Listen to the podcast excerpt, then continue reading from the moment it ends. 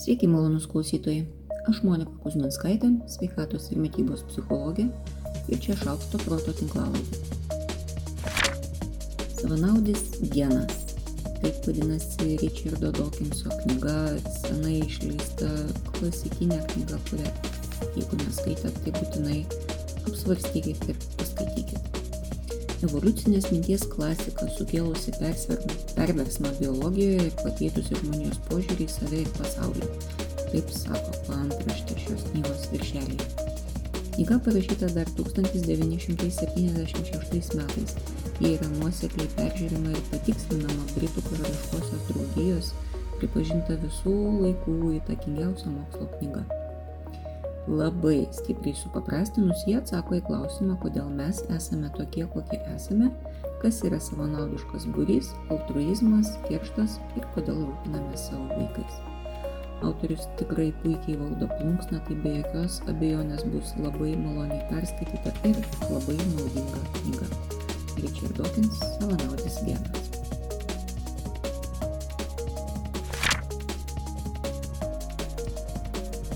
valgyti ar nevalgyti. Labai šekspyriškai skamba. Instinktyviai, nepagalvojus, visada norisi balsuoti už tai, kad žmogui pasirinkimas reikalingas, jo siekiamas yra vertybė, net balsavimas irgi yra pasirinkimas. Po to prisimenu tos atvejus, kai valgiau restoranuose su storais begaliniais meniu ir tos atvejus, kai valgiau restoranuose su meniu ant vieno lapelio vardu šiandien čekas siūlo ir man aišku, kad rinkčiausi nesirinkimą ne neabejodami. Na, tai sustokim ir pagalvokim, kaip čia svarbu valgyme pats pasirinkimo faktas. Mes mėgstame patį pasirinkimo veiksmą, nes pasirinkimo veiksmas suteikia mums pasirinkimo laisvės. O čia jau pridedu nuo savęs, greičiausiai tiesiog laisvės pojūtį. Nevalingai prisimenu, kiek daug kartų girdėjau legendą, kad po nepriklausomybės ir po blokados atsirado bananų ir dingo eilės prie maisto ir galėjai iš tiesų rinktis, ar šiandien valgysi vienokią ar kitokią mėsą, ar mėsą iš vis. Tai jau čia legenda, pati tai mačiau ir pati taip sakiau. Mes mėgstame rinktis, nes tada mes kontroliuojame pasirinkimo baigti. Na, vis tik mes savo nežodis. O tai suteikia galios, stiprybės ir valdžios pojūtį.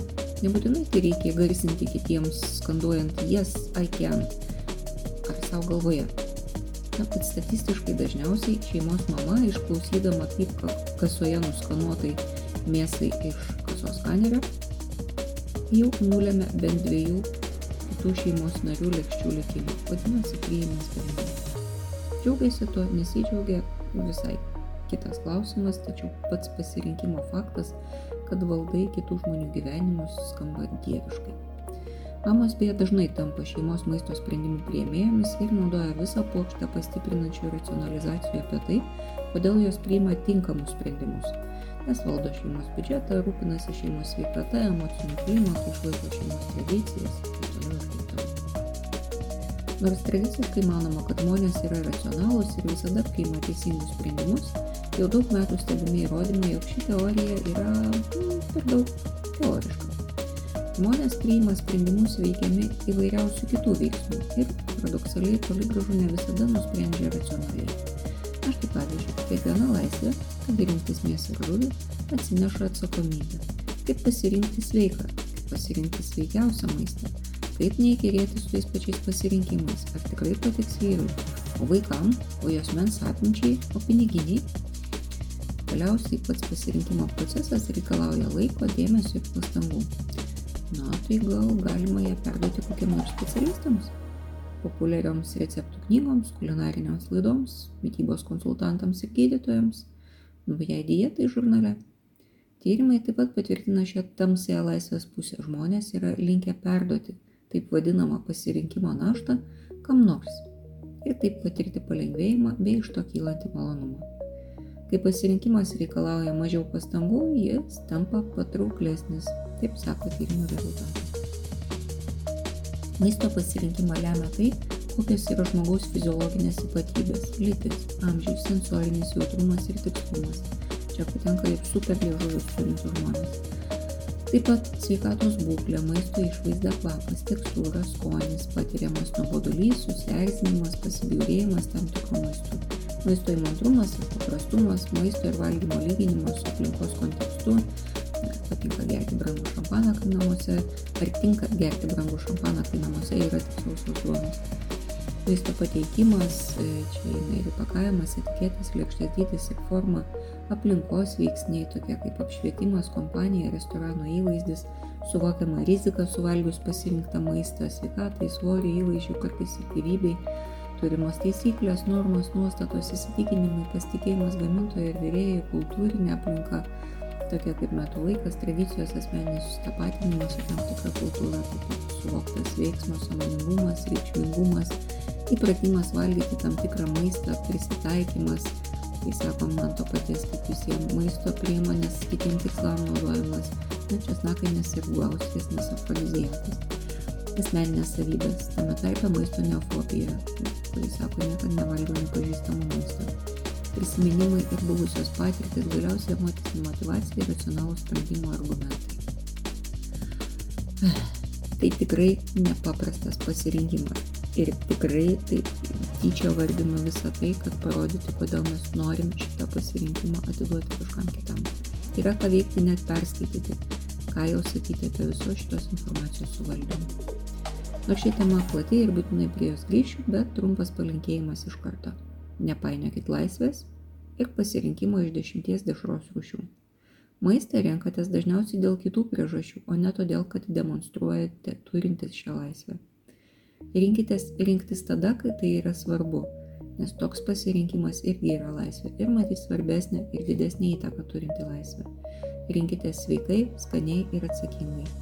Ir žinoma, pasinaudokite laisvę turėti kitokią, su palinkėjimu nesutampančią.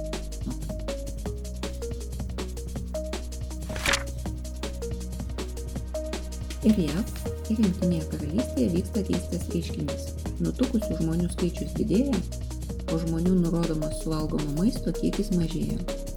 Manau panašiai vyksta ir lietuvoje.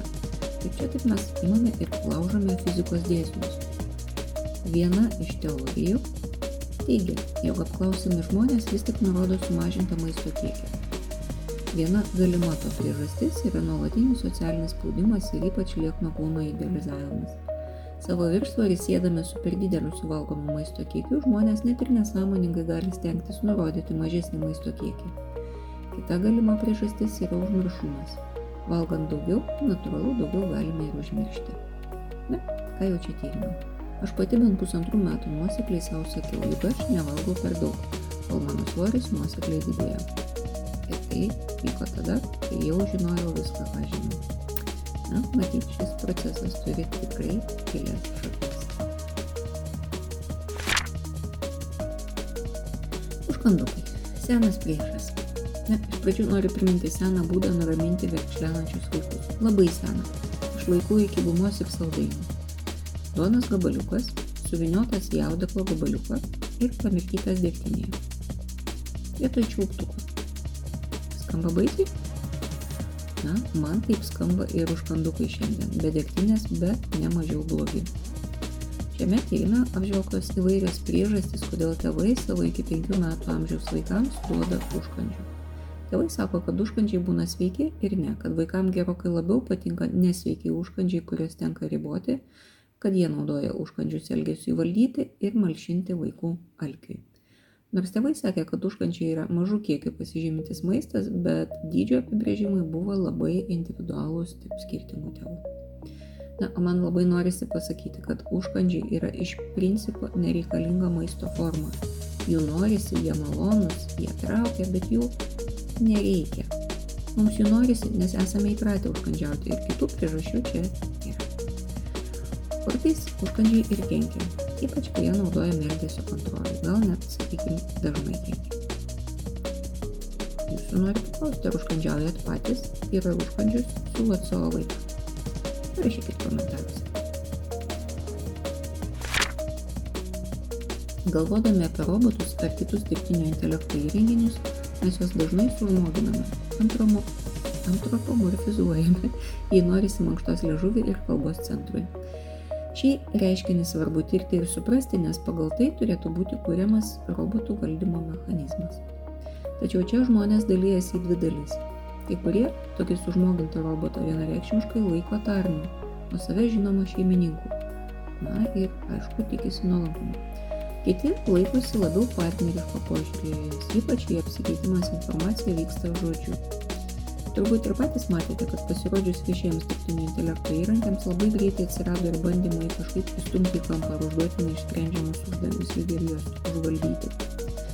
Psichologiniu požiūriu toks elgesys yra labai geras diagnostinis įrankis, tačiau žmogišku požiūriu tiesiog liūdna.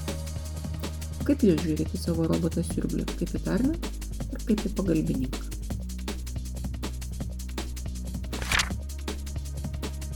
Jau kokį tūkstantį kartą suprantu, kad budistinis aukso vidurys yra tai, kas veikia, nes ne vienas kraštutinumas nėra pakankamai geras. O kad mokėti balansuoti ties viduriu, reikia mokėti pasirinkti iš alternatyvų. Kaip reikia mokėti žingsnį, žengti dar vieną papildomą žingsnį. Taip reikia mokėti ir sustoti. Tai šis eksperimentas perfekcionistams. Pasirinkite ką nors, kas tengiatės padaryti puikiai, geriau negu yra arba negu darėte. Negu rašėte, piešėte, tvarkėte, sodinote. Nesvarbu, kas tai buvo, tiesiog pasirinkite kažką, kas nėra susijęs su gyvybė ir sveikata, bet jūsų nuomonė dar nebaigta, nes galėtų būti geriau. Sutelkite savo dėmesį į tai. Tai, ką darysite, bus nebaigtumo tolerancijos treniruotė. Nebaigtumo netoleravimas yra viena iš dažniausių priežasčių palaikančio perfekcionizmo mechanizmą. Mes sugalvojame labai daug, dažnai katastrofiškų paaiškinimų, kodėl mums reikia dar nesustoti, o stengtis toliau iki pilno išsekimo. Apibūdinkite savo stebimą nebaigtumą. Koks jis, kiek jau nuveikta, kaip jums naudinga jau dabartinė jo būsena. Stenkitės neskatinti katastrofinių minčių apie tai, kaip siubingai blogai bus, kol tai nebaigta. Daugiau dėmesio skirkite tam, kaip yra būtent dabar. Kuo daugiau laiko skirsite šiam stebėjimui, tuo sėkmingesnė bus tolerancijos treniruotė. Tolerancija nebaigtumui nereiškia, kad tapsite apsileidęs, sukežę, nevykėliai, atsilikėliai ir panašiai.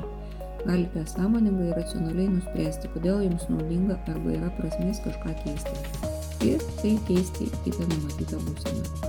Ne dėl to, kad siekite išvengti katastrofos, o todėl, kad turite labai praktišką priežastį tai daryti. Čia siekiama būsena yra ta, kad norite daryti daugiau, o ne negalite kitaip negu tik daryti kiek. Dalykite nusiekti. Šis, kaip ir kiti eksperimentai, yra viena iš dažnai naudojamų technikų kognityvinė elgesio terapija. Eksperimentas yra skirtas patikrinti įsitikinimo teisingumą. Įsitikinimai yra saliginai tvirti, bet nebūtinai teisingi sprendimai, kuriuos naudojame nekritiškai, nebetikrinami kiekvieną kartą jų teisingumą. Klaidingi įsitikinimai gali metų metais mus vesti neteisingų kelių, taip ir nesuprantant, kas su manim, ar su kitais, ar su pasauliu yra negerai. Eksperimentas leidžia atpažinti klaidas įsitikinime ir stovint akistatoje su nauja informacija, jį pataisyti ir perkonstruoti iš naujo. Jei eksperimentuojate, pasidalinkit prašau savo patyrimais. Bus labai įdomu ir visiems naudinga. Šiai savaitė tiek. Aš Monika Kuzminskaitė, sveikatos ir mytybos psichologė, padedu spręsti kasdienius ir sudėtingus elgesio, mąstymo ir emocijų klausimus. Rašau, skaitau paskaitas, teikiu psichologinės konsultacijas. Mane rasit socialiniuose tinkluose vardu Šaukštas Proto arba gyvai Goštauto gatvėje Vilniuje. Rašykit man asmeninę žinutę socialiniuose tinkluose arba elektroniniu paštu adresu šaukštas.proto. Gmail taikos ir ramybės.